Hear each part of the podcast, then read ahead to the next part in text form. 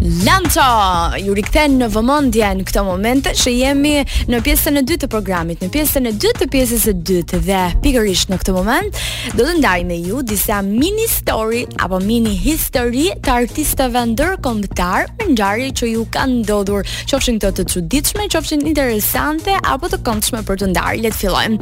Ed Sheeran qëndroi në divanin e Jamie Foxx për disa javë përpara se të bëhej i famshëm. Sheeran fillimisht donte të luante në emisionin radiofonik të Fox, të Fox.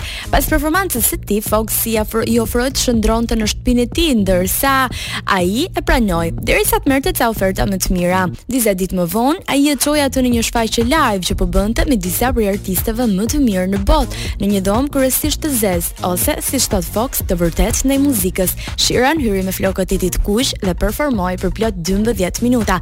Kjo ishte një kthesë e madhe në fakt në jetën e tij artistike, duke qenë se i hapi dyert më pas për të dëshmuar talentin e tij të madh dhe atë talent që vazhdon ta ketë dhe ta dëshmojë çdo ditë botës artistike, por edhe të gjithë fansave dhe admiruesve kudo që e ndjekin me aq pasion dhe dëshirë. Gjithashtu së fundmi Ed Sheeran ka eksperimentuar, duhet thënë, me disa prej rrymave muzikore duke bërë bashkëpunime paksa më bad and boujee ose edhe me artistë nigerianë sepse jemi mësuar ta dëgjojmë dhe ta shohim që i rrin mirë baladat por ai ka vërtetuar që artistët e vërtetë janë dhe ata që uh, e tregojnë dhe e dëshmojnë veten edhe në hapësira të tjera gjithashtu uh, dihet historia e Sheeran që e ka patur paksa të vështirë në fillimet e tij për shkak edhe të disa sëmundjeve kjo është një histori tjetër ose që ishte në fillim këngëtar rruge Uh, por uh, historia dëshmoi që ai ishte një talent që meritonte shumë më shumë se aq. Mirë. Aktori i Peaky Blinders, Cillian Murphy, ishte dikur vegjetarian për plot 12 vite dhe pastaj ai gjeti një dre.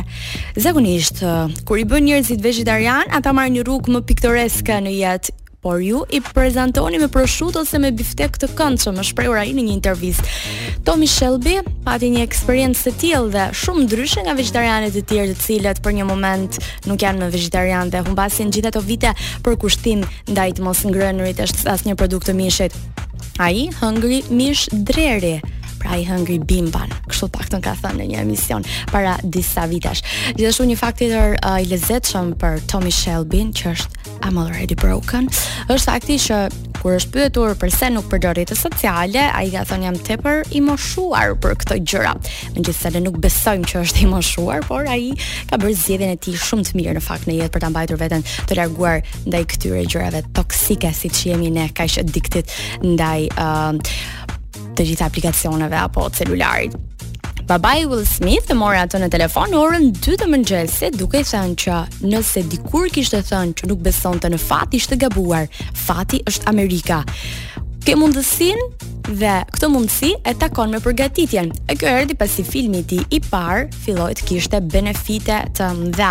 Dhe në atë moment uh, Will Smith u ndje me të vërtetë një lucky boy, edhe kështu i ati gjithashtu i tha se ai është një prej humoristëve ose gallataxhinjve të përshkruar edhe uh, sepse ai ja ka thënë në një fjalë me zhargon amerikan, uh, më me fat që ka njohur ndonjëherë.